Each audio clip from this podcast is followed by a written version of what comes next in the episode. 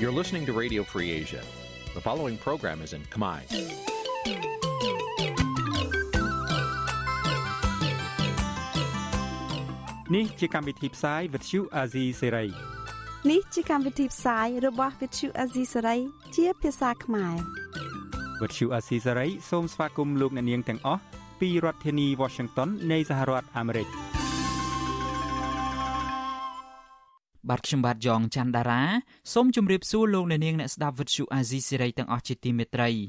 បាទខ្ញុំបាទសូមជូនកម្មវិធីផ្សាយសម្រាប់ព្រឹកថ្ងៃសៅរ៍10កើតខែពិសាឆ្នាំថោះបញ្ញស័កពុទ្ធសករាជ2566ដែលត្រូវនឹងថ្ងៃទី29ខែមេសា គ្រិស្តសករាជ2023បាទជាដំបូងនេះសូមអញ្ជើញអស់លោកអ្នកនាងស្ដាប់ព័ត៌មានប្រចាំថ្ងៃដែលមានមេតិការដូចតទៅ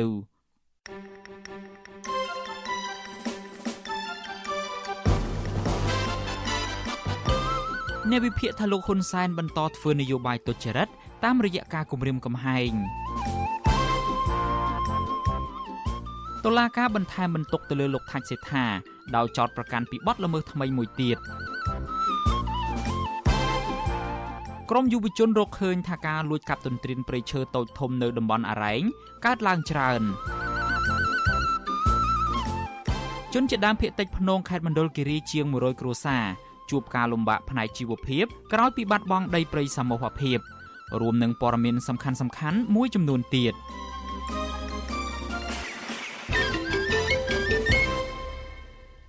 បាទជាបន្តទៅទៀតនេះខ្ញុំបាទយ៉ងច័ន្ទដារាសូមជូនព័ត៌មានទាំងនេះពឹស្ដាមន្ត្រីគណៈបកសង្គ្រោះជាតិនិងអ្នកវិភាគនយោបាយលើកឡើងថាលោកនាយរដ្ឋមន្ត្រីហ៊ុនសែនកាន់តែអស់តម្លៃជាមនុស្សតាមរយៈការគម្រាមដកតំណែងឪពុកម្ដាយរបស់លោកសូនដារាតាមតែទំនឹងចិត្ត អ្នកស្រាវជ្រាវការវិវត្តសង្គមយល់ឃើញថាបើទោះបីជាលោកហ៊ុនសែនទទួលបានជោគជ័យពីការធ្វើនយោបាយតាមរយៈការគម្រាមកំហែងយ៉ាងណាក្តីក៏លោកមិនមែនជាអ្នកនយោបាយប្រកបដោយគុណធម៌នោះឡើយ។បាទលោកទីនហ្សាការីយ៉ារាយការណ៍ពឹស្ដារអំពីរឿងនេះមន្ត្រីគណៈបកប្រឆាំងនៅនៃវិភាគនយោបាយលើកឡើងដោយដូចគ្នាថាលន់សានធ្វើនយោបាយទុច្ចរិតយកខ្មែរធ្វើជាសត្រូវនៅវិភាគនយោបាយលោកកំសុកលើកឡើងថាលន់សានគ្មានមនសិការតម្លៃជាមនុស្សនោះឡើយ ដោយសារតែលោកធ្វើនយោបាយដោយគ្មានសិលធម៌និងគុណធម៌លោកបន្ថែមថាលោកហ៊ុនសែនក៏រំលោភច្បាប់ជាតិនិងសិទ្ធិមនុស្សផងដែរតាមរយៈការគម្រិតកំហែងដកតំណែងឪពុកនិងសាច់ញាតិលោកសុនដារាដែលជាអ្នករិះគន់រដ្ឋាភិបាលឥតសំចៃមាត់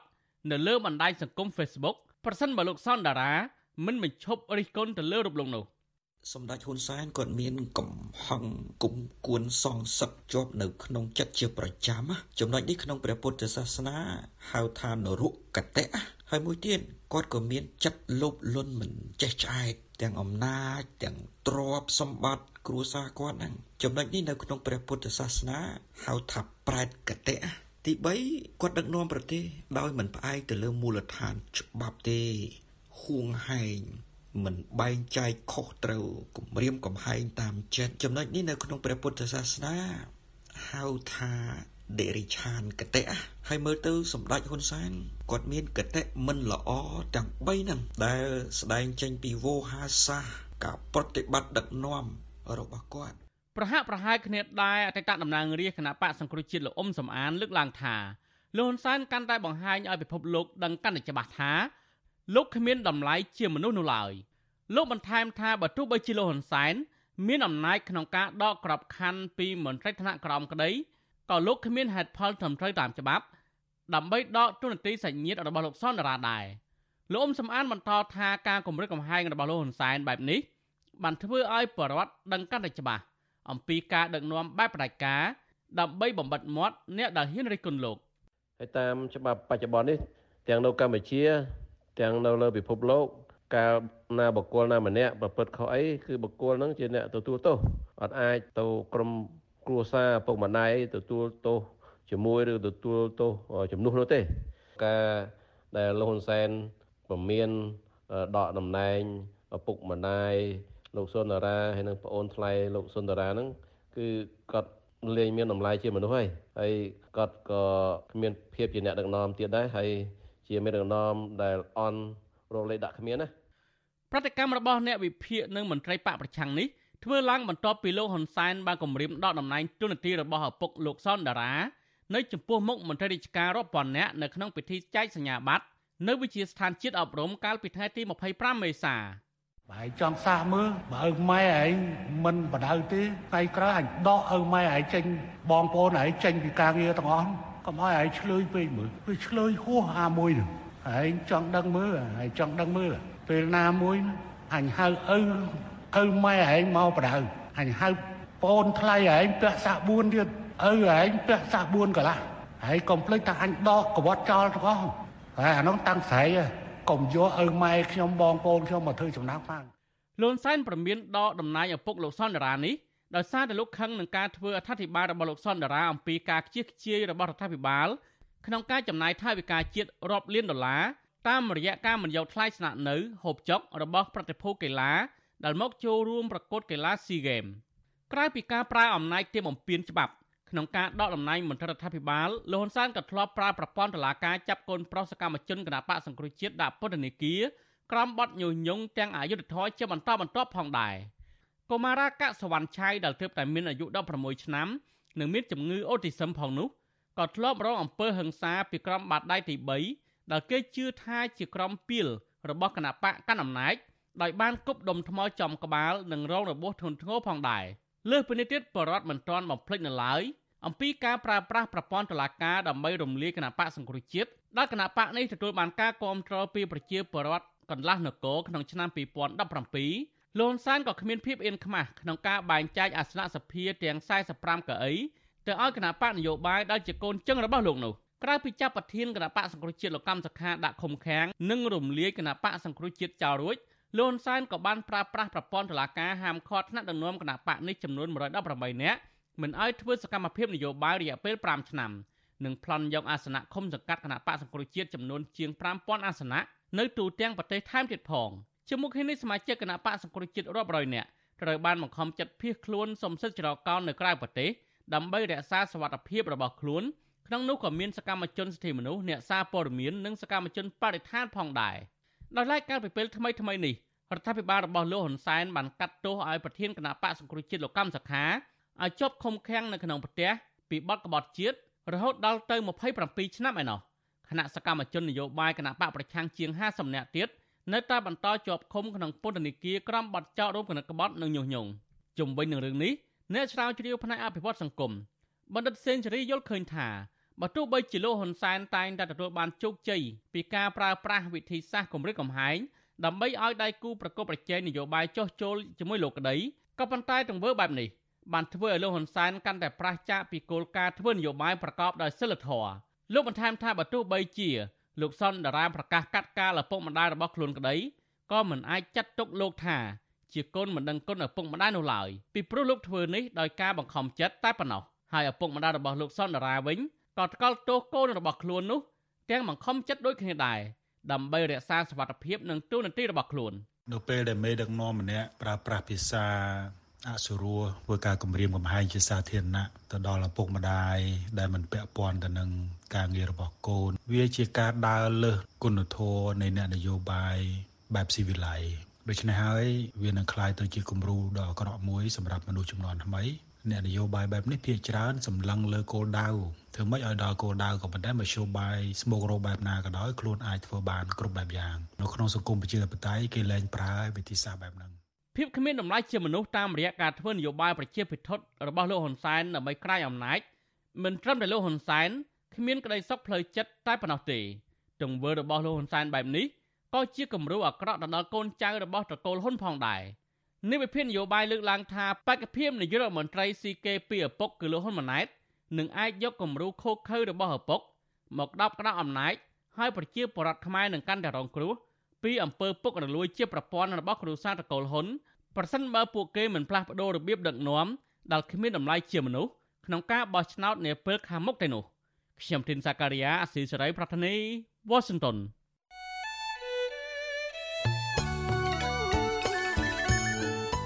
លោកអ្នកនាងជាទីមេត្រីវិទ្យុអាស៊ីសេរីចាប់ផ្ដើមដំណើរការផ្សាយផ្ទាល់កម្មវិធីព័ត៌មានទាំងពេលព្រឹកនិងពេលយប់ជាផ្លូវការនៅលើបណ្ដាញសង្គមថ្មីមួយទៀត គឺបណ្ដាញសង្គម Telegram ចាប់ពីខែមេសាឆ្នាំ2023នេះតទៅលោកអ្នកនាងអាចស្វែងរក Telegram ផ្លូវការរបស់ Virtual Azizi Serai ដោយស្វែងរកពាក្យថា Virtual Azizi Serai ឬក៏ RFA ខ្មែរនៅលើទូរស័ព្ទដៃរបស់លោកអ្នកនាង បាទ Telegram ផ្លូវការរបស់ Vithu Azizi Serai មានសញ្ញា Tick ជាសញ្ញាសម្គាល់បាទក្រុមការងាររបស់ Vithu Azizi Serai នឹងព្យាយាមរិះរោចមធ្យោបាយថ្មីថ្មីបន្ថែមទៀត ដើម្បីផ្ដល់ភាពងាយស្រួលដល់លោកអ្នកនាងកញ្ញានៅក្នុងការស្ដាប់និងទស្សនាការផ្សាយព័ត៌មានរបស់យើង បាទសូមអរគុណ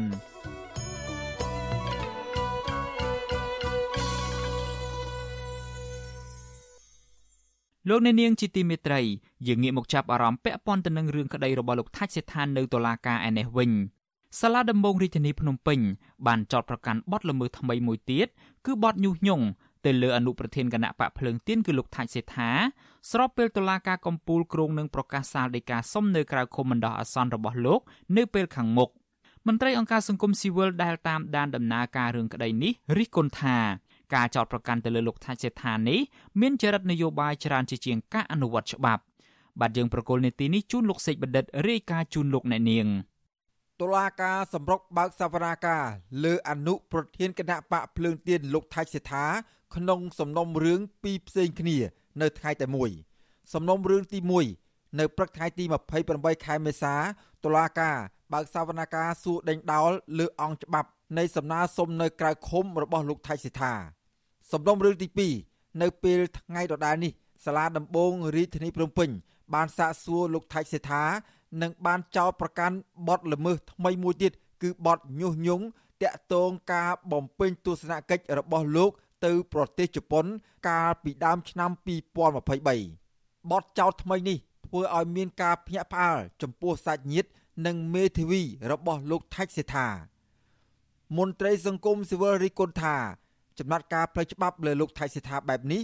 ហាក់មានចេតនាមិនចង់ឲ្យអ្នកនយោបាយជាន់ខ្ពស់របស់គណៈបកភ្លើងទៀនអាចនៅក្រៅឃុំ ដើម្បីចូលរួមប្រគួតប្រជែងការបោះឆ្នោតនៅថ្ងៃទី23ខែកក្កដាខាងមុខនោះទេ លោកថៃសិដ្ឋាស្ថិតនៅក្នុងសម្លៀកបំពាក់ពណ៌ស្លាទុំដុសពុកមាត់ច្រើន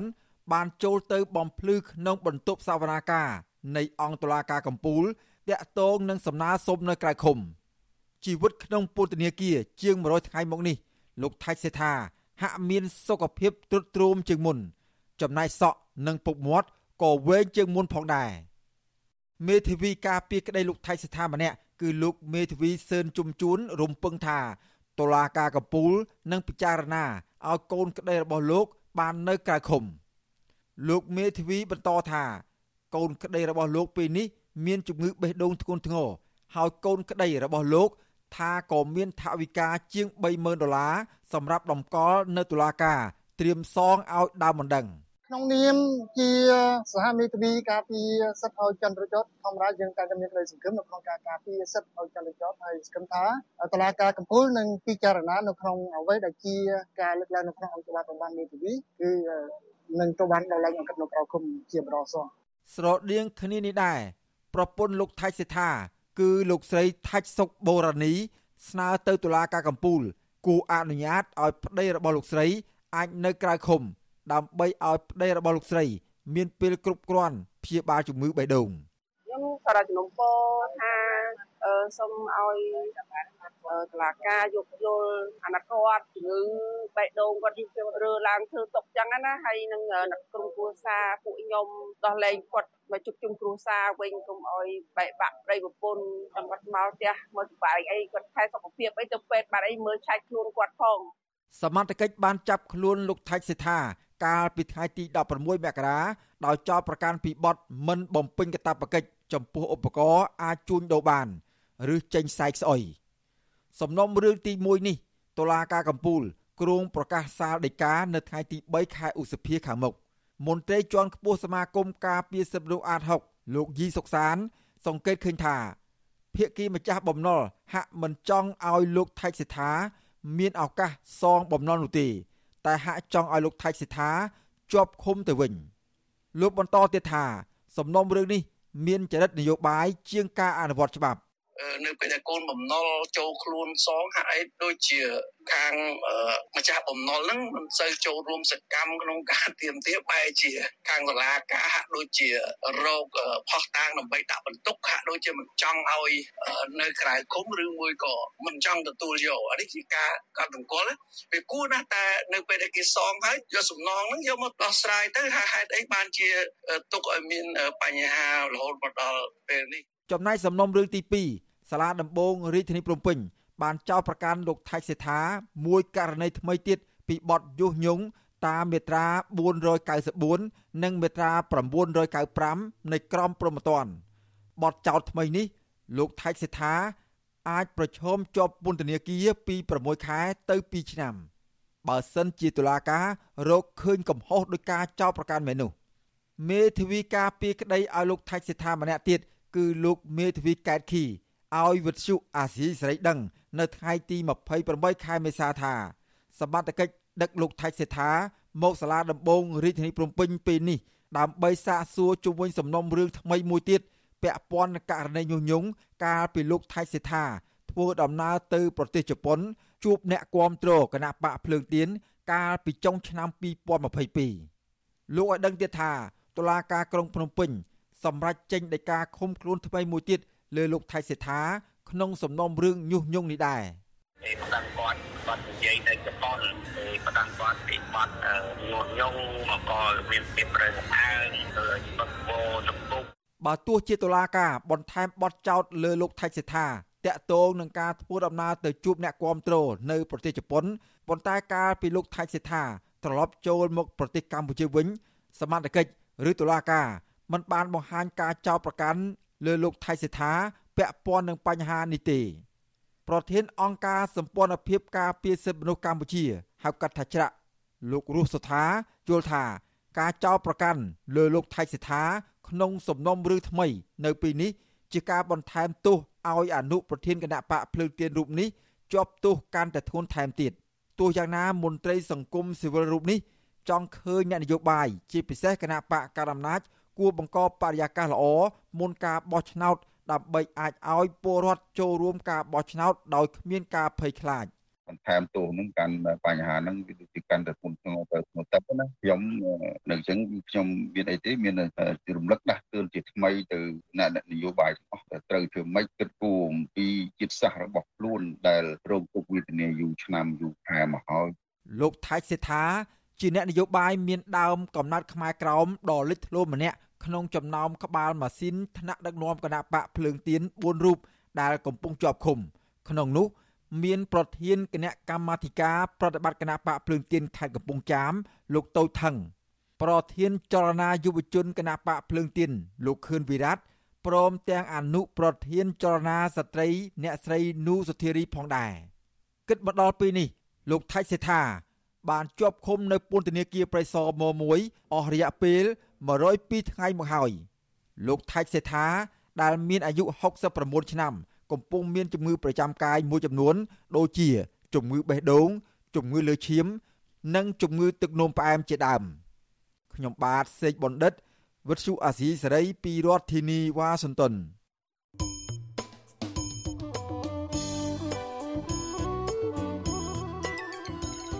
លោកអ្នកនាងជាទីមេត្រី ដំណើរគ្នានឹងស្ដាប់ការផ្សាយរបស់ Vuthu Azizi Serai នៅតាមបណ្ដាញសង្គម Facebook YouTube និង Telegram លោកអ្នកនាងក៏អាចស្ដាប់ការផ្សាយរបស់យើង តាម Vuthu រលក ធាតុអាកាសខ្លីបានដែរគឺតាមកម្រិតនិងកម្ពស់ដូចតទៅនេះពេលព្រឹកចាប់ពីម៉ោង5កន្លះដល់ម៉ោង6កន្លះតាមរយៈប៉ុស SW 12.14 MHz ស្មើនឹងកម្ពស់ 25m និងប៉ុស SW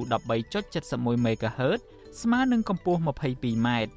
ពេលយប់ចាប់ពីម៉ោង7កន្លះដល់ម៉ោង8កន្លះតាមរយៈប៉ុស SW 9.33 MHz ស្មើនឹងកម្ពស់ 32m ប៉ុស SW 11.88 MHz ស្មើនឹងកម្ពស់ 25m និងប៉ុស SW 12.14 MHz ស្មើនឹងកម្ពស់ 25m បាទសូមអរគុណ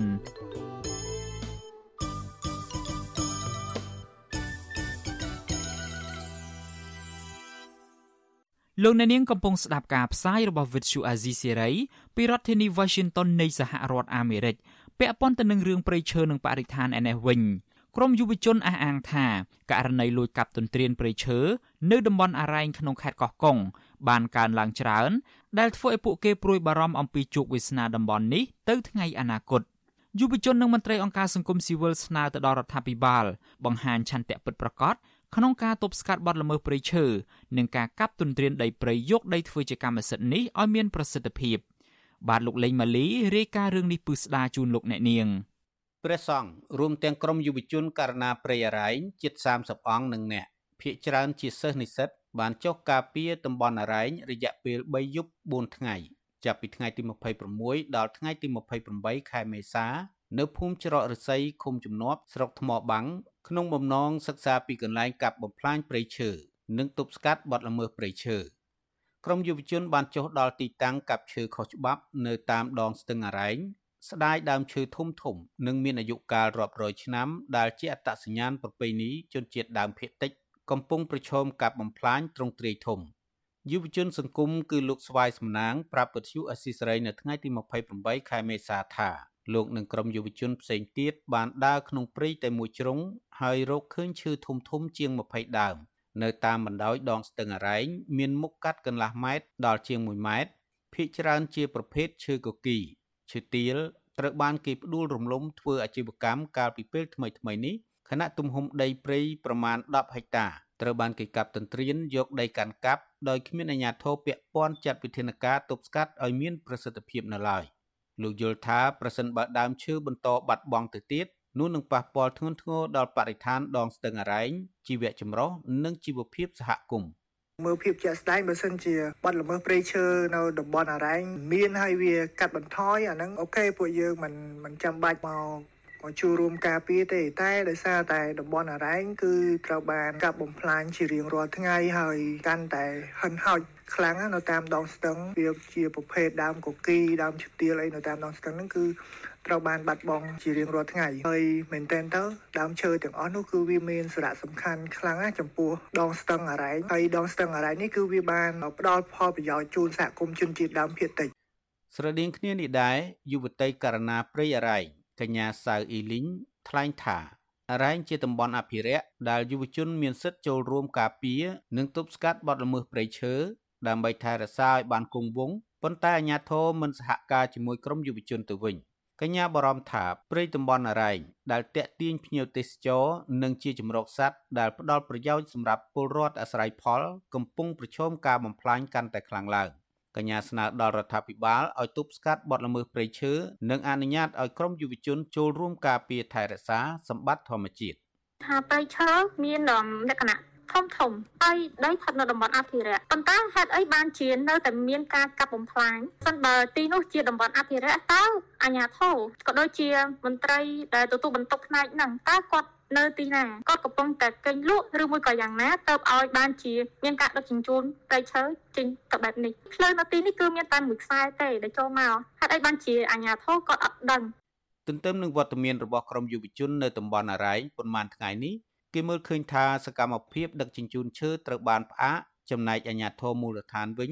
បានបដិសេធមិនចូលរួមល្បាតព្រៃជាមួយយុវជននោះទេ ប៉ុន្តែប៉ូលីសជាច្រើនអ្នកបានចុះទៅដល់ផ្ទះប្រជាសហគមន៍អរ៉ែងដោយបញ្ជាឲ្យក្រុមយុវជនបញ្ឈប់សិក្ខាសាលាស្ដីពីការផ្សព្វផ្សាយអំពីទួលនីតិនិងសិទ្ធិនយោបាយយុវជន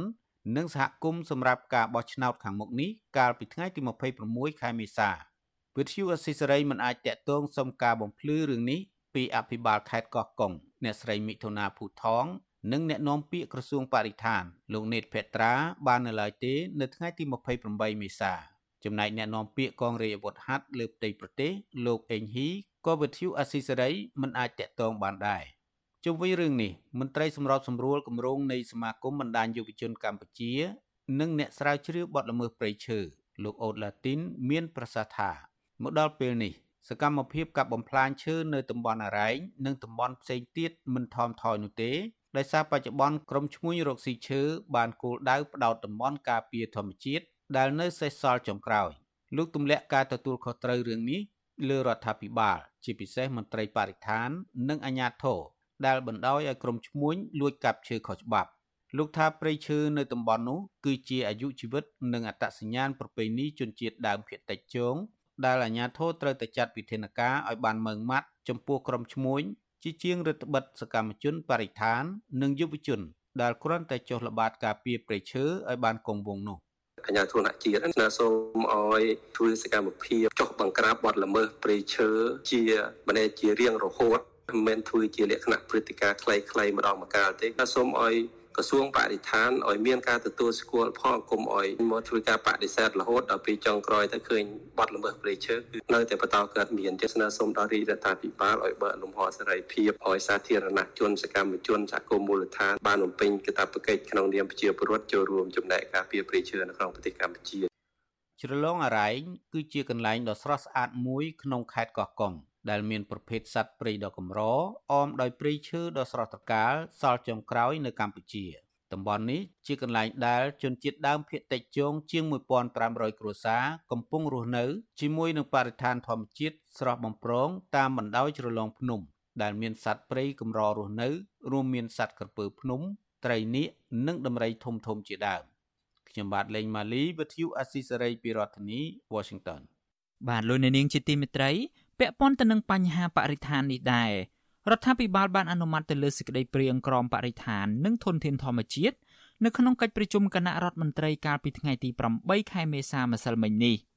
សេចក្តីប្រកាសព័ត៌មានរបស់គណៈរដ្ឋមន្ត្រីកាលពីថ្ងៃសុក្រឲ្យដឹងថាគោលបំណងសំខាន់នៃសេចក្តីព្រាងក្រមបរិស្ថាន និងធនធានធម្មជាតិនេះគឺដើម្បីចងក្រងបទបញ្ញត្តិនៃច្បាប់និងបទបញ្ញត្តិជាធរមានតាក់ទងទៅនឹងបរិស្ថាននិងធនធានធម្មជាតិ ដោយធ្វើសមាហរណកម្មនិងទំនើបកម្មដើម្បីឲ្យមានភាពប្រកបនិយមនិងមានភាពស៊ីសង្វាក់គ្នាសម្រាប់ជាបទបញ្ញត្តិសំខាន់សំខាន់ដោយកំណត់យុត្ថាធិការរបស់ក្រសួងស្ថាប័នពាក់ព័ន្ធនិងសម្រួលទៅដល់ការអនុវត្តមុខងារនិងទួនាទីនៅក្នុងស្មារតីឯកភាពជាតិស្របតាមបរិបទនៃការអភិវឌ្ឍសង្គមកម្ពុជាទោះបីជារដ្ឋាភិបាលធ្វើច្បាប់ជាច្រើននិងបានប្រកាសជាសាធារណៈដើម្បីការពារបរិស្ថាននិងធនធានធម្មជាតិក៏ដោយ ក៏រដ្ឋាភិបាលរបស់លោកហ៊ុនសែនបានសម្រេចកាត់ជ្រឿដីអភិរក្សសួនសត្វភ្នំតាម៉ៅនៅក្នុងខេត្តតាកែវមានទំហំជិត1000ហិកតាដើម្បីវិនិយោគទៅឲ្យក្រុមហ៊ុនឯកជន ធ្វើការអភិវឌ្ឍនិងសង់អគារកាលពីឆ្នាំ2022កន្លងទៅ ហើយថ្មីថ្មីនេះលោកហ៊ុនសែនក៏បានសម្រេចជួលដីឧទ្យានជាតិកែបទំហំ29ហិកតា នៅភូមិសាស្ត្រសង្កាត់ព្រៃធំ ក្រុងកែបទៅឲ្យក្រុមហ៊ុនឯកជនមួយដើម្បីអភិវឌ្ឍជាតំបន់ទេសចរម្ចាស់ក្រុមហ៊ុននេះ គឺអ្នកស្រីជឹងសុគន្ធធីវីកូនស្រីរបស់អ្នកស្រីជឹងសុភីបដែលជាមហាសេដ្ឋីម្នាក់ជិតស្និទ្ធនឹងគ្រួសារលោកនាយករដ្ឋមន្ត្រីហ៊ុនសែនសេចក្តីព្រៀងក្រមបរិស្ថាននិងធនធានធម្មជាតិនេះចំណាយពេលដំណើរការរៀបចំអស់រយៈពេល78ឆ្នាំមកហើយក្រៅពីអនុម័តលើសេចក្តីព្រៀងក្រមបរិស្ថាននិងធនធានធម្មជាតិនេះគណៈរដ្ឋមន្ត្រីក៏បានពិភាក្សាទៅលើសេចក្តីព្រៀងច្បាប់ស្តីពីការអនុម័តយល់ព្រមទៅលើកិច្ចព្រមព្រៀងស្តីពីពាណិជ្ជកម្មសេវាកម្មអាស៊ាន និងណែនាំទៅដល់ក្រសួងស្ថាប័នពាក់ព័ន្ធជាពិសេសរដ្ឋបាលខេត្តនៅជុំវិញបឹងទន្លេសាបដើម្បីពិនិត្យពីលទ្ធភាពសាងសង់ទ្វារទំនប់ទឹកសម្រាប់តម្កល់ទឹកបឹងទន្លេសាប ដើម្បីកុំឲ្យទឹកហូរចេញលឿនពេកជាដើមបាទលោកអ្នកនាងជាទីមេត្រីពាក់ព័ន្ធទៅនឹងរឿងបរិស្ថាននិងព្រៃឈើនេះដែរជនជាដើមភាគតិចភ្នងជាង100គ្រួសាររស់នៅខេត្តមណ្ឌលគិរីត្អូញត្អែអំពីជីវភាពធ្លាក់ចុះខ្លាំងនិងភាពអយុត្តិធម៌ជាច្រើន ដែលបំផ្លាញសេចក្តីសុខរបស់ពួកគាត់ក្រោយពីបាត់បង់ព្រៃសមូហភាពស្ទើរតែទាំងស្រុងប៉ះពាល់ដល់ប្រព័ន្ធសេដ្ឋកិច្ចនិងអាកាសធាតុឡើងកម្ដៅខ្លាំងអ្នកភូមិអះអាងថាពលរដ្ឋចំណូលស្រុករាប់រយគ្រួសារបានទៅដណ្ដើមកាប់រៀនដីព្រៃសមរភាពភូមិពូកុងត្រង់ទ្រាយធំធ្វើឲ្យព្រៃដែលជនជាតិដើមភាគតិចអាស្រ័យផល តាំងពីដូនតាមកនេះប្រឈមទៅនឹងការបាត់បង់ជាបន្តបន្ទាប់ដោយគ្មានការទប់ស្កាត់នោះឡើយ បាទលោកអ្នកនាងនឹងបានស្ដាប់សេចក្តីរាយការណ៍នេះពឹស្ដានៅពេលបន្តិចទៀតនេះ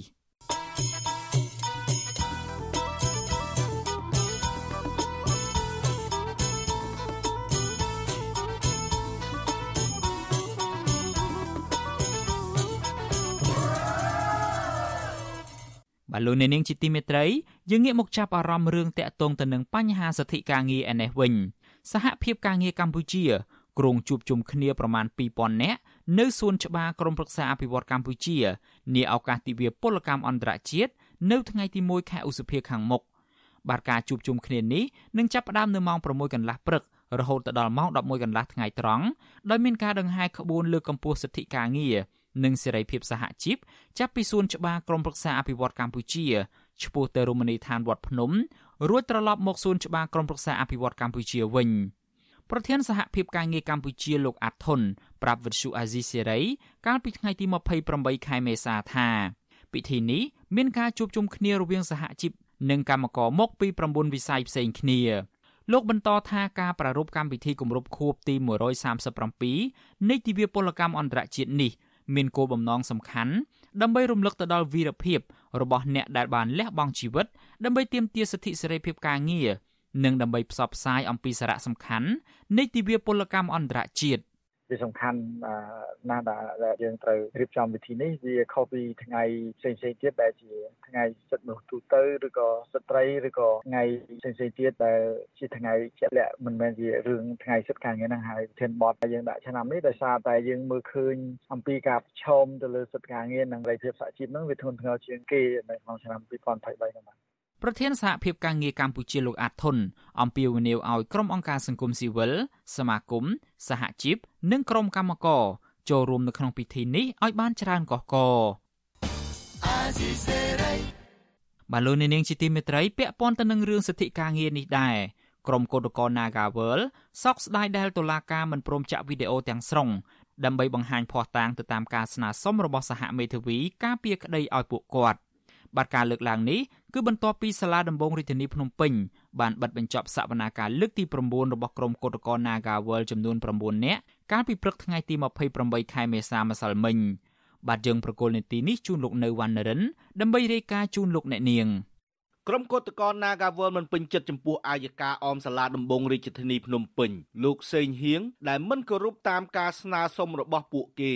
ពួកគេចាត់ទុកថាទង្វើនេះជាការអនុវត្តលំអៀងទៅភាគីដើមចោត និងគ្មានដំណាភាពសមាជិកសហជីពត្រួតត្រងសិទ្ធិការងារនៃក្រុមហ៊ុនបនលបែង Nagavel កញ្ញាឈឹមសុខនប្រាប់វិទ្យុអាស៊ីសេរីនៅថ្ងៃទី28មេសាថាតុលាការមិនបានចាក់វីដេអូតាមការស្នើសុំរបស់សហមេធាវីនោះទេ គឺចាក់ជាសារសម្លេងជំនួសវិញដែលសម្លេងនោះពិបាកស្ដាប់ កញ្ញាបន្តថាសារសម្លេងដែលតុលាការចាក់នោះហាក់មិនដូចគ្នាជាមួយនឹងកិច្ចប្រជុំតាមប្រព័ន្ធទំនាក់ទំនងបណ្ដាញសង្គម Zoom របស់ក្រុមកោតក្រនោះទេ ពីព្រោះសម្លេងនោះស្ដាប់មិនច្បាស់ហើយខុសគ្នាពីខ្លឹមសារដើមទៀតផង với tờ lá ca វិញយើងមើលទៅហាក់ដូចវាថាតឡាការតេលេអញ្ចឹងគេធ្វើបង្កើតឲ្យការកាត់ក្តីហ្នឹងដូចជាកើតទៅវាដូចជាគេដឹងថាត្រូវកាត់មិនវិញតែគេចេះតែធ្វើឲ្យមានរូបរាងទៅ វីដេអូដែលសហមេធាវីស្នើឲ្យតុលាការចាក់នោះគឺជាវីដេអូដែលក្រុមគឧតកោ Nagawal បានជួបជុំគ្នានៅតាមប្រព័ន្ធ Zoom ក្នុងអំឡុងពេល COVID ដើម្បីយកខ្លឹមសារដើមផ្ទៀងផ្ទាត់ជាមួយផុសតាងរបស់មេធាវីដើមចោតក៏ប៉ុន្តែតុលាការបដិសេធមិនចាក់ដោយលើកហេតុផលថាគ្មានពេលវេលាគ្រប់គ្រាន់ វិទ្យុអាស៊ីសេរីមិនអាចតាក់ទងแนะនាំពាក្យសាលាដំបងរាជធានីភ្នំពេញលោកអ៊ីរ៉ិនដើម្បីសុំការអធិប្បាយជុំវិញរឿងនេះបានទេនៅថ្ងៃទី28ខែមេសាតាក់ទងនឹងរឿងនេះដែរនាយកទទួលបន្ទុកកិច្ចការទូតនៃអង្គការលីកាដូលោកអំសំអាត មានប្រសាសន៍ថាសារសម្លេងដែលតុលាការចាក់នោះហាក់មិនពាក់ព័ន្ធជាមួយក្រុមកោតក្រ Nagawal នោះទេពីព្រោះនៅក្នុងសារសម្លេងនោះគឺក្រុមកោតក្រទាំង9នាក់កំពុងជាប់ឃុំនៅពន្ធនាគារ លោកឆ្ងល់ថាបើក្រុមកោតក្រទាំង9នាក់កំពុងជាប់ឃុំដូច្នេះសារសម្លេងនោះដើមចោតបានមកពីណាទៅវិញ ក្នុងករណីនេះដូចជាអង្គការសង្គមស៊ីវិលយើងតែងតែលើកឡើងហើយក៏ដូចជាសហគមន៍អន្តរជាតិហ្នឹងគឺគេទាមទារឲ្យមានការដោះលែងកញ្ញាឈឹមស៊ីប៉ូហើយនឹងទម្លាក់ចោលរាល់បទចោទប្រកាន់មេដឹកនាំសហជីពและសមាជិកសហជីពទាំងអស់ហ្នឹងហើយវិលទៅរកការដោះស្រាយវិវាទការងារដើម្បីបញ្ចប់រវាងក្រុមហ៊ុន Nagavel ជាមួយនឹងក្រុមកោតក្រអានឹងវាជាដំណោះស្រាយល្អបាទ សវនាការនេះមានការចូលរួមពីមន្ត្រីអង្គការលីកាដូមន្ត្រីអង្គការអាត6និងមន្ត្រីអង្គការសហប្រជាជាតិព្រមទាំងក្រុមកោតក្រជាង30នាក់ឯនៅក្រៅរបងវិញមានកោតក្រមួយចំនួនពាក់របាំងមុខកញ្ញាឈឹមស៊ីធដើម្បីបង្ហាញពីក្តីនឹករលឹកនិងគំរូវីរភាពរបស់តំណាងសហជីពពួកគេ ដោយឡែកនៅមុខសាលាដំបងរាជធានីភ្នំពេញក៏មានកម្លាំងសមត្ថកិច្ចជាង20នាក់ឈរយាមកាមតាមផ្លូវនិងមានជនស្លៀកពាក់ស៊ីវិលមួយចំនួនតាមថតក្រុមកោតក្រផងដែរតុលាការនឹងបន្តបើកសវនាការសំណុំរឿងញុះញង់របស់ក្រុមកោតក្រនេះនៅថ្ងៃទី3ខែឧសភាខាងមុខបន្តទៀត កន្លងមកអង្គការជាតិនិងអន្តរជាតិជំរុញឲ្យរដ្ឋាភិបាលរបស់លោកនាយករដ្ឋមន្ត្រីហ៊ុនសែនបញ្ឈប់ការធ្វើទុកបុកម្នេញលើសហជីពនិងដោះលែងកញ្ញាឈឹមស៊ីធឲ្យមានសេរីភាពឡើងវិញដើម្បីបើកលំហសិទ្ធិសេរីភាពស្របពេលដែលការបោះឆ្នោតជាតិខិតជិតចូលមកដល់ ក្រុមគឧតកោ Nagavel យល់ឃើញថាថៅកែរបស់ក្រុមហ៊ុនបនលបែង Nagavel និងអាជ្ញាធរដែលពាក់ព័ន្ធគួរតែពន្លឿននីតិវិធីដោះស្រាយវិវាទការងារឲ្យបានឆាប់រហ័សពីព្រោះការអូសបន្លាយដំណោះស្រាយមានតែធ្វើឲ្យកម្ពុជាមានកេរ្តិ៍ឈ្មោះមិនល្អលើឆាកអន្តរជាតិតែប៉ុណ្ណោះខ្ញុំបាទនៅវណ្ណរិន With Chu Azizi Saray ពីរដ្ឋធានី Washington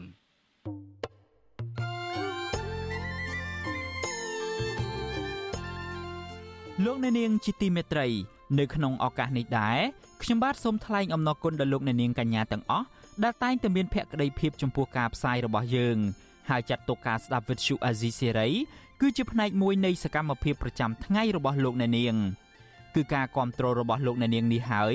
ដែលធ្វើឲ្យយើងខ្ញុំមានទឹកចិត្តកាន់តែខ្លាំងក្លាថែមទៀតនៅក្នុងការស្វែងរកនិងផ្តល់ព័ត៌មានជូនលោកអ្នកនាង មានអ្នកស្ដាប់អ្នកទស្សនាកាន់តែច្រើន កាន់តែធ្វើឲ្យយើងខ្ញុំមានភាពស្វាហាប់មោះមុតជាបន្តទៅទៀត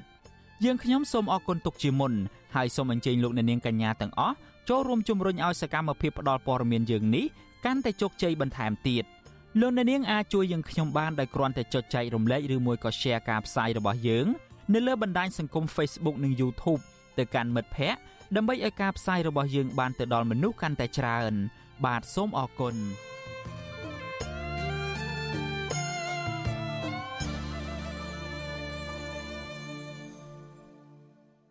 បលូននាងជាទីមេត្រីជុំវិញរឿងការផ្លាស់ប្តូរទីតាំងតុលាការក្រុងភ្នំពេញឯនេះវិញ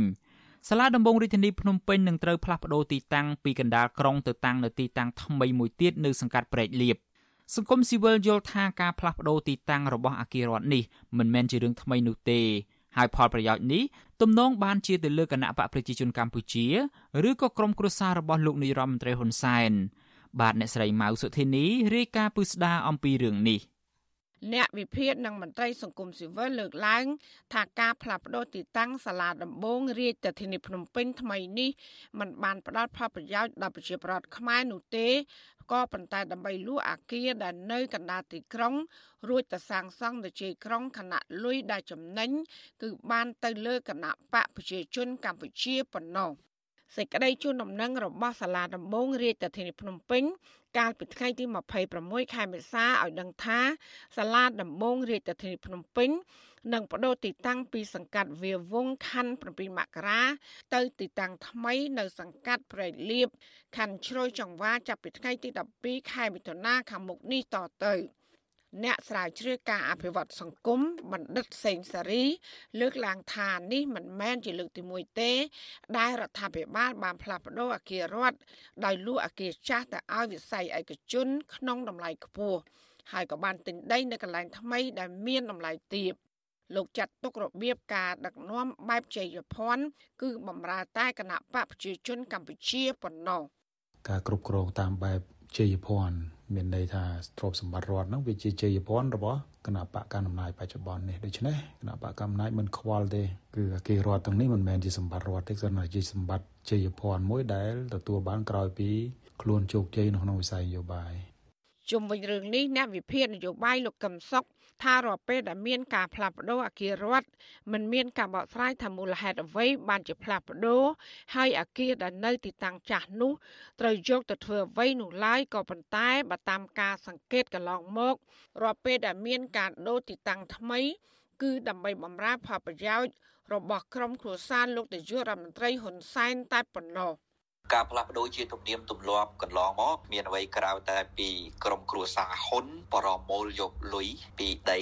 ដែលមានតម្លៃថ្លៃនៅកណ្ដាលទីក្រុងណាហើយមួយវិញទៀតទីតាំងដែលគេផ្លាស់ប្ដូរចេញនោះច្រើនតែប្រគល់ទៅឲ្យក្រុមហ៊ុនជំនួញដែលក្រុមគ្រួសារហ៊ុននៅពីក្រោយខ្នងដូច្នេះក្រុមគ្រួសារហ៊ុនចំណេញពីរយ៉ាងចំណេញទាំងលុយផ្លាស់ប្ដូរក្នុងកោបលុយ ទាំងដុំហើយយកទីតាំងនោះទៅធ្វើអាជីវកម្មតាមដែលគេប្រាថ្នា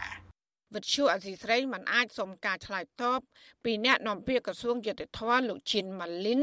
ហើយនឹងលោកកឹមសន្តិភាពបាននៅឡើយទេ នៅថ្ងៃទី28ខែមេសា នាយកប្រតិបត្តិនៃអង្គការតម្លាភាពកម្ពុជាលោកពេជ្រពិសីលើកឡើងថាមួយរយៈពេលចុងក្រោយនេះអាគាររបស់រដ្ឋជាច្រើនត្រូវបានផ្លាស់ទៅតំបន់ជ័យក្រុង បណ្ដាលមកពីការកើនឡើងឥទ្ធិពលនៃតម្លៃដី នៅក្នុងកណ្ដាលទីក្រុងភ្នំពេញហើយដែលជាហេតុធ្វើឲ្យមានការលួចអគាររដ្ឋនិងទិញដីសាងសង់អគារថ្មីវិញនៅតំបន់ឆ្ងាយលោកជឿឃើញថាការផ្លាស់ប្ដូរទីតាំងនេះ រដ្ឋាភិបាលក៏គិតគូរពិចារណាឲ្យបានជាក់លាក់ពីព្រោះថាអគាររដ្ឋសុទ្ធតែមានគុណតម្លៃជាប្រវត្តិសាស្ត្រផងដែរអគាររដ្ឋមួយចំនួនហ្នឹងគឺមានគុណតម្លៃផ្នែកប្រវត្តិសាស្ត្រអញ្ចឹងបើសិនជាអគារហ្នឹងមានគុណតម្លៃប្រវត្តិសាស្ត្រអគារហ្នឹងបុរាណជារចនាបថដែលយើងគួរតែរក្សាការពារទៅតាមរចនាបថជាតិឬក៏ការថែរក្សាបេតិកភណ្ឌ របស់ក្រសួងវប្បធម៌ជាដើមកន្លងមកសាលាតោភ្នំពេញក៏បានដូរទីតាំងទៅកាន់សង្កាត់ព្រៃលៀបខណ្ឌជ្រោយចង្វា ហើយក្រសួងរៀបចំដែនដីនគររូបនីយកម្មនិងសំណង់ក៏បានផ្លាស់ប្ដូរទីតាំងថ្មី ដែលមានចម្ងាយជាង10គីឡូម៉ែត្រគិតត្រឹមរមណីយដ្ឋានវត្តភ្នំ ចំណែកអគាររដ្ឋផ្សេងផ្សេងទៀតក៏បានផ្លាស់ប្ដូរទីតាំងទៅតំបន់កាន់តែឆ្ងាយហើយអគាររដ្ឋទាំងនោះក៏បានលក់ទៅឲ្យបុគ្គលឬក្រុមហ៊ុនឯកជនទៅវិញ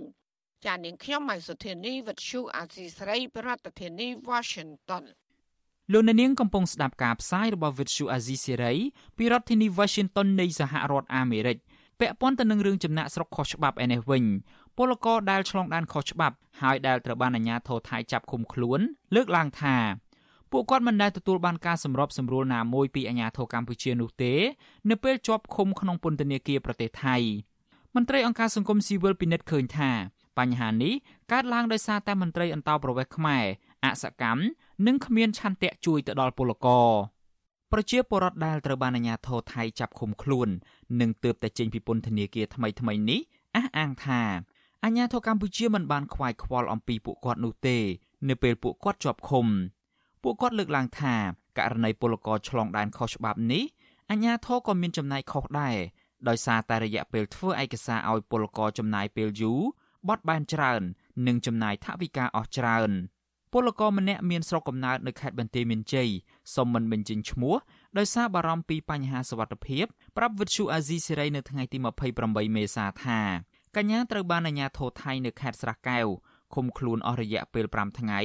ដោយសារតែឆ្លងដែនខុសច្បាប់នៅច្រកបឹងត្រកួនស្រុកថ្មពួកហើយអាជ្ញាធរថៃបានដោះលែងវិញកាលពីថ្ងៃទី26ខែមេសា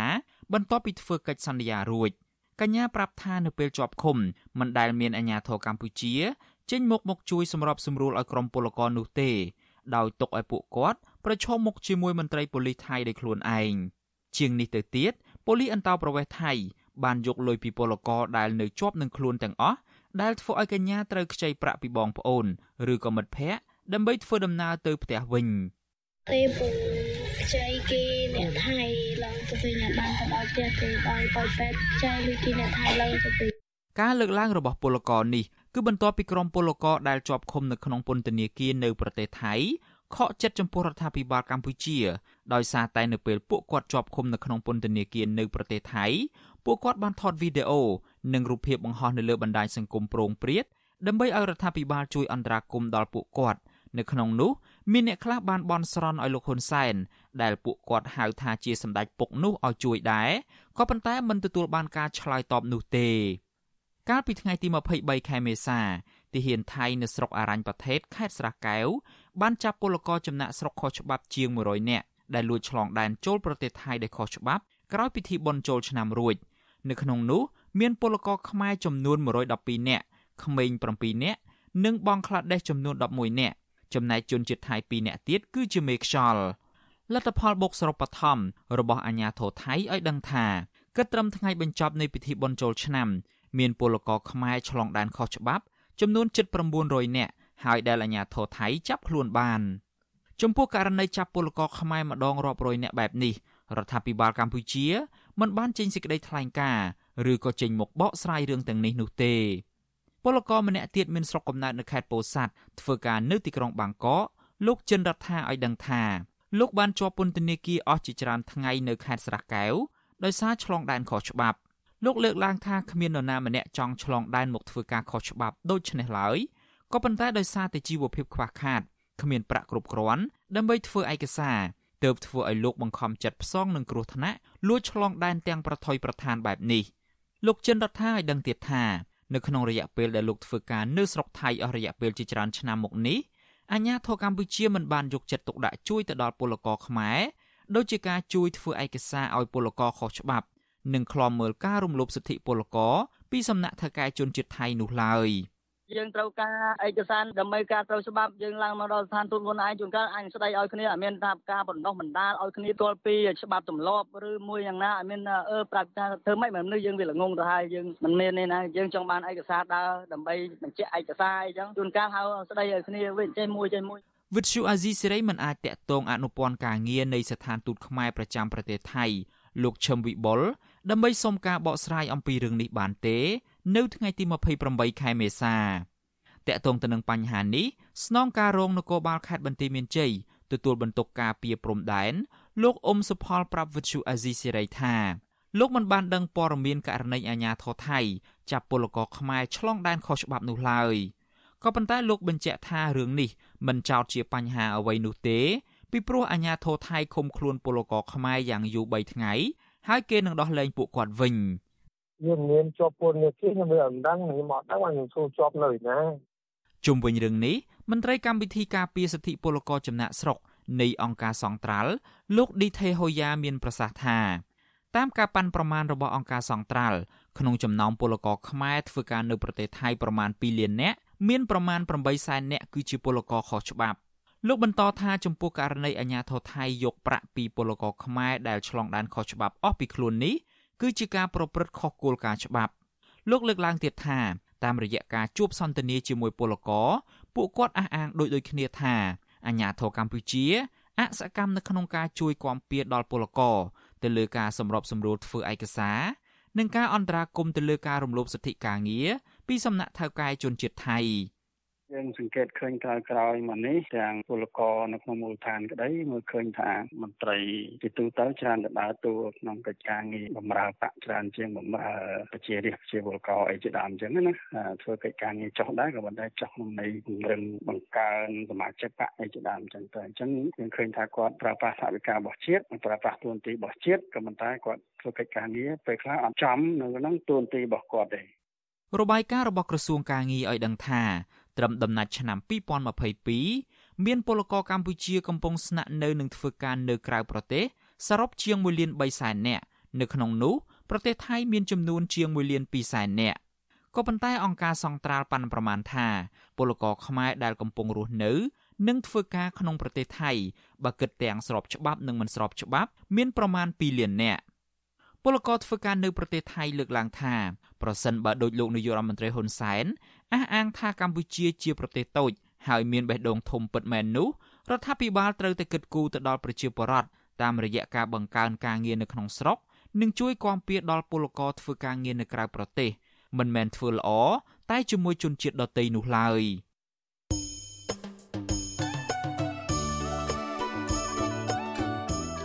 លោកអ្នកនាងជាទីមេត្រី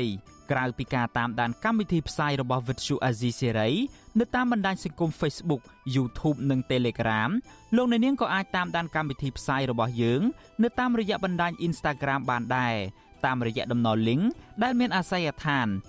www.instagram.com/rfa ខ្មែរ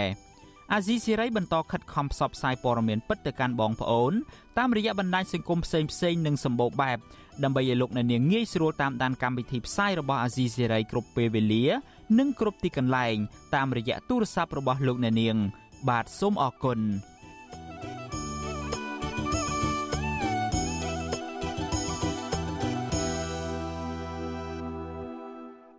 លោកអ្នកនាងជាទីមេត្រីជនជាតិដើមភាគតិចភ្នងជាង100គ្រួសាររស់នៅខេត្តមណ្ឌលគិរីត្អូញត្អែអំពីជីវភាពធ្លាក់ចុះខ្លាំង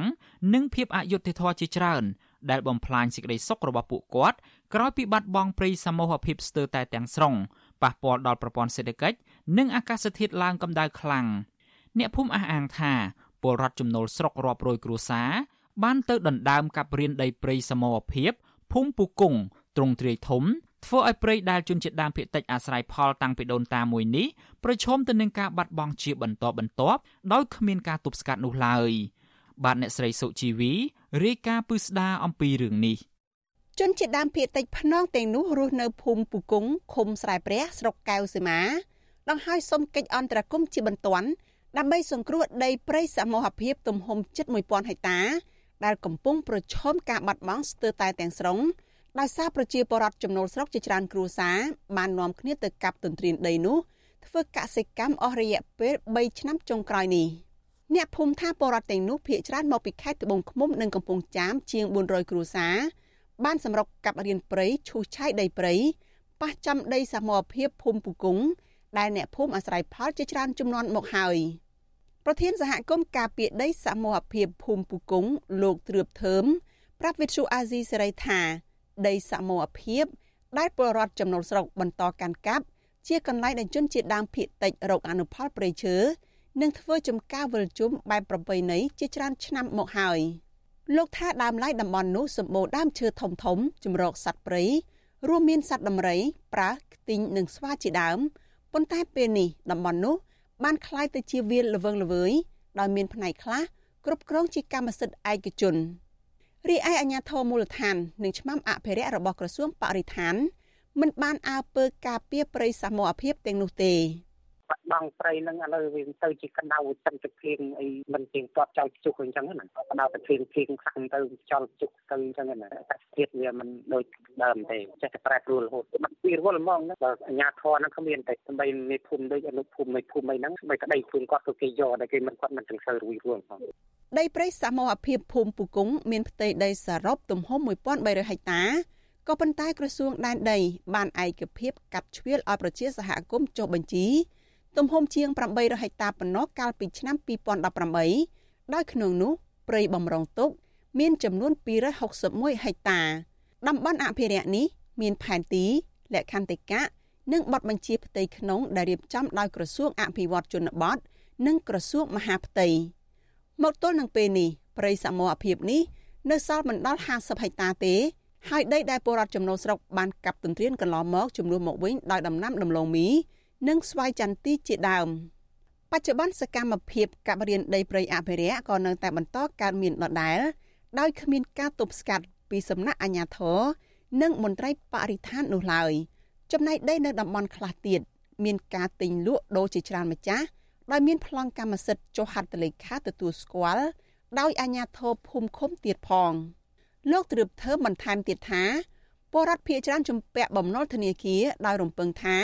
រកអនុផលព្រៃឈើដូចជាដងជាប់ទឹក ធ្វើចំការវិលជុំនិងរកឃុំជាដើម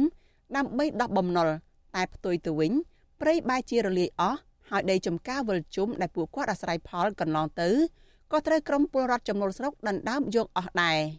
លោកថាកាលពី10ឆ្នាំមុនតំបន់អភិរក្សនេះសម្បូរដើមឈើធំធំសត្វព្រៃជាច្រើនប្រភេទរស់នៅ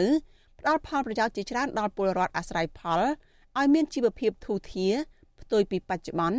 អ្នកភូមិផងខ្លួននឹងវិបត្តិសេដ្ឋកិច្ចដោយសារអស់ព្រៃនិងគ្រួសារខ្លះទៀតបង្ខំចិត្តធ្វើកម្មករគេដើម្បីដោះបំណុល។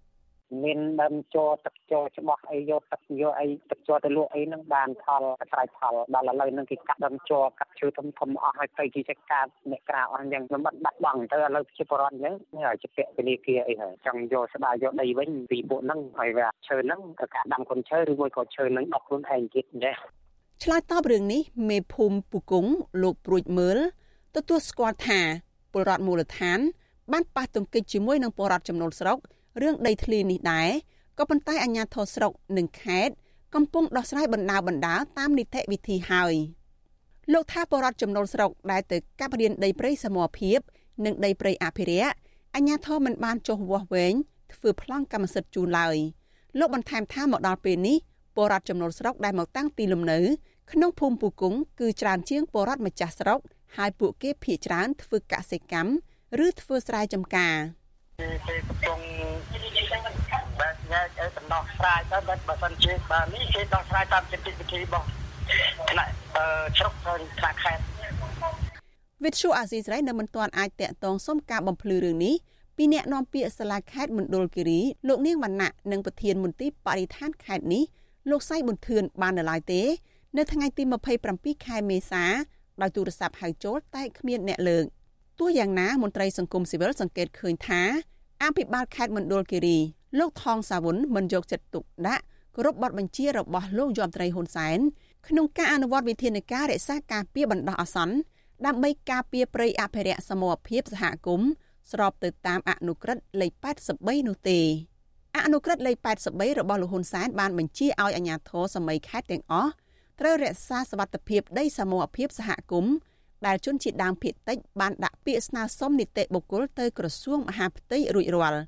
តាក់ទងនឹងបញ្ហានេះអ្នកសម្របសម្រួលលេខាធិការដ្ឋានសម្ព័ន្ធជនជាតិដើមភាគតិចកម្ពុជាលោកយុនឡូរ៉ង់សង្កេតឃើញថាពេលនេះមានបញ្ហាគ្រប់ទីកន្លែងទាំងអស់ព្រោះវិធានការរក្សាការពារបណ្ដោះអាសន្នអនុលោមតាមអនុក្រឹត្យលេខ83 គឺគ្មានប្រសិទ្ធភាពឡើយដោយសារគ្មានការផ្សព្វផ្សាយនិងគ្មានអ្នកទទួលខុសត្រូវអនុវត្តវិធានការនេះលោកថាអាញាធរមិនត្រឹមតែមិនចូលរួមអនុវត្តបទបញ្ជារបស់រដ្ឋាភិបាលទេ តែផ្ទុយទៅវិញថែមទាំងហ៊ានចេញប្លង់កម្មសិទ្ធិដើម្បីទិញលក់ដីសមរភាពមិនប្រក្រតីទៀតផង ប៉ុន្តែវាអត់មានការជំរុញណាមួយជាក់លាក់ឲ្យមានប្រសិទ្ធភាពទេកន្លងមកនេះដែលជាបញ្ហាដែលនាំឲ្យមាននៅតែមានការទន្ទ្រានដីនឹងកើតឡើងមិនត្រឹមតែប៉ុណ្្នឹងទេមានការទទួលស្គាល់ការបញ្ជាក់ទៅលើអ្នកដែលទន្ទ្រាននឹងទៀតអញ្ចឹងវាមានករណីនឹងឡើងបើទោះជាសហគមន៍ដែលបានបានសមូហភាពហើយក៏ដោយជុំវិញរឿងនេះមន្ត្រីសម្របសម្រួលសមាគមអាត6នៅក្នុងខេត្តមណ្ឌលគិរីលោកប៊ីវ៉ានីដែលបានចុះអង្កេតរឿងនេះបារម្ភថា ជីវភាពរបស់ជនជាតិដើមភាគតិចជាង100គ្រួសារនៅតំបន់នោះធ្លាក់ចុះខ្លាំងដោយសារតែអស់ព្រៃអាស្រ័យផល ហើយដីចំការវិលជុំដែលពួកគាត់មានទម្លាប់ដាំដុះតាមប្រពៃណីក៏បាត់បង់អស់ដែរលោកស្នើឲ្យអាជ្ញាធរស៊ើបអង្កេតនិងចាត់វិធានការជាក់លាក់លើជនល្មើសរួមទាំងអាជ្ញាធរពាក់ព័ន្ធដែលខុបខិតរំលោភយកដីសមរភាពខុសច្បាប់ ប៉ះពាល់ដល់សហគមន៍វិញទីមួយវារំលោភទៅលើសិទ្ធិជនជាតិដើមភាគតិចរំលោភទៅលើរបៀបនៃការរស់នៅតាមបែបប្រពៃណីរបស់ជនជាតិដើមភាគតិចរបស់គាត់ដែលគាត់ខំប្រឹងស្នើសុំចុះបញ្ជីសមូហភាពហ្នឹងគឺគាត់ចង់ប្រើប្រាស់ដីសមូហភាពជនជាតិដើមភាគតិចហ្នឹងឲ្យតាមបែបប្រពៃណីការរស់នៅរបស់ពួកគាត់ហ្នឹងហើយហើយកាលណាក៏ទៅកាប់ទន្ទ្រានរបស់ពួកគាត់អញ្ចឹងនិយាយរួមទៅពួកហ្នឹងមិនមែនធំតែកាប់ចូលដីនេះណាចូលដីសហគមន៍ណាដីតំបន់អភិរក្សដែនអភិរក្សក៏វាកាប់យកដែរហើយមន្ត្រីបរិស្ថានការចល័យសហការនៅនឹងឲ្យគេកាប់បាន របាយការណ៍របស់សម្ព័ន្ធជនជាតិដើមភាគតិចបង្ហាញថាមកដល់ពេលនេះសហគមន៍ជនជាតិដើមភាគតិចមានជាង90%នៅក្នុងចំណោមសហគមន៍ជាង150កន្លែងស្ថិតនៅក្នុងខេត្តមណ្ឌលគិរីកំពង់ស្ពឺបាត់ដំបង ស្ទឹងត្រែង ក្រចេះរតនគិរី និងខេត្តកំពង់ធំជាដើម កំពុងជួបបញ្ហាប្រឈមច្រើនដោយសារអាជ្ញាធរខេត្តនីមួយៗមិនអនុវត្តវិធានការរក្សាការពារបណ្ដោះអាសន្ន ស្របតាមអនុក្រឹត្យលេខ83ឲ្យមានប្រសិទ្ធភាព ជាច្រើនឆ្នាំមកហើយ។ប្រការនេះជាឧបសគ្គរាំងខ្ទប់ដល់ដំណើរការស្នើសុំចុះបញ្ជីដីសមូហភាពដែលពុំអាចទទួលបានជោគជ័យឡើយហើយជនជាតិដើមភាគតិចនៅតំបន់ខ្លះងាយនឹងកើតមានចំនួនរ៉ាំរ៉ៃរហូតធ្វើពួកគាត់បែកបាក់ផ្ទៃក្នុង បាក់ទឹកចិត្តជាប់បណ្ដឹងទៅតុលាការដោយសារតែចេញមុខតវ៉ាទាមទារដីសមូហភាពជាមួយនឹងបុគ្គលមានលុយមានអំណាច មន្ត្រីអង្គការសង្គមស៊ីវិលវាយតម្លៃថាបទបញ្ជារបស់លោកហ៊ុនសែនសាបដោយទឹកទន្លេគ្មានអធិបុលជាវិជ្ជមានការពារសវត្ថភាពដីធ្លីជូនប្រជាសហគមន៍ឲ្យមានប្រសិទ្ធភាពយូរអង្វែងនោះឡើយធ្វើឲ្យប្រៃអភិរក្សស្ទើរគ្រប់តំបន់ហិនហោចអស់នាងខ្ញុំសុជីវី With Show Azizi Saray ពីរដ្ឋធានី Washington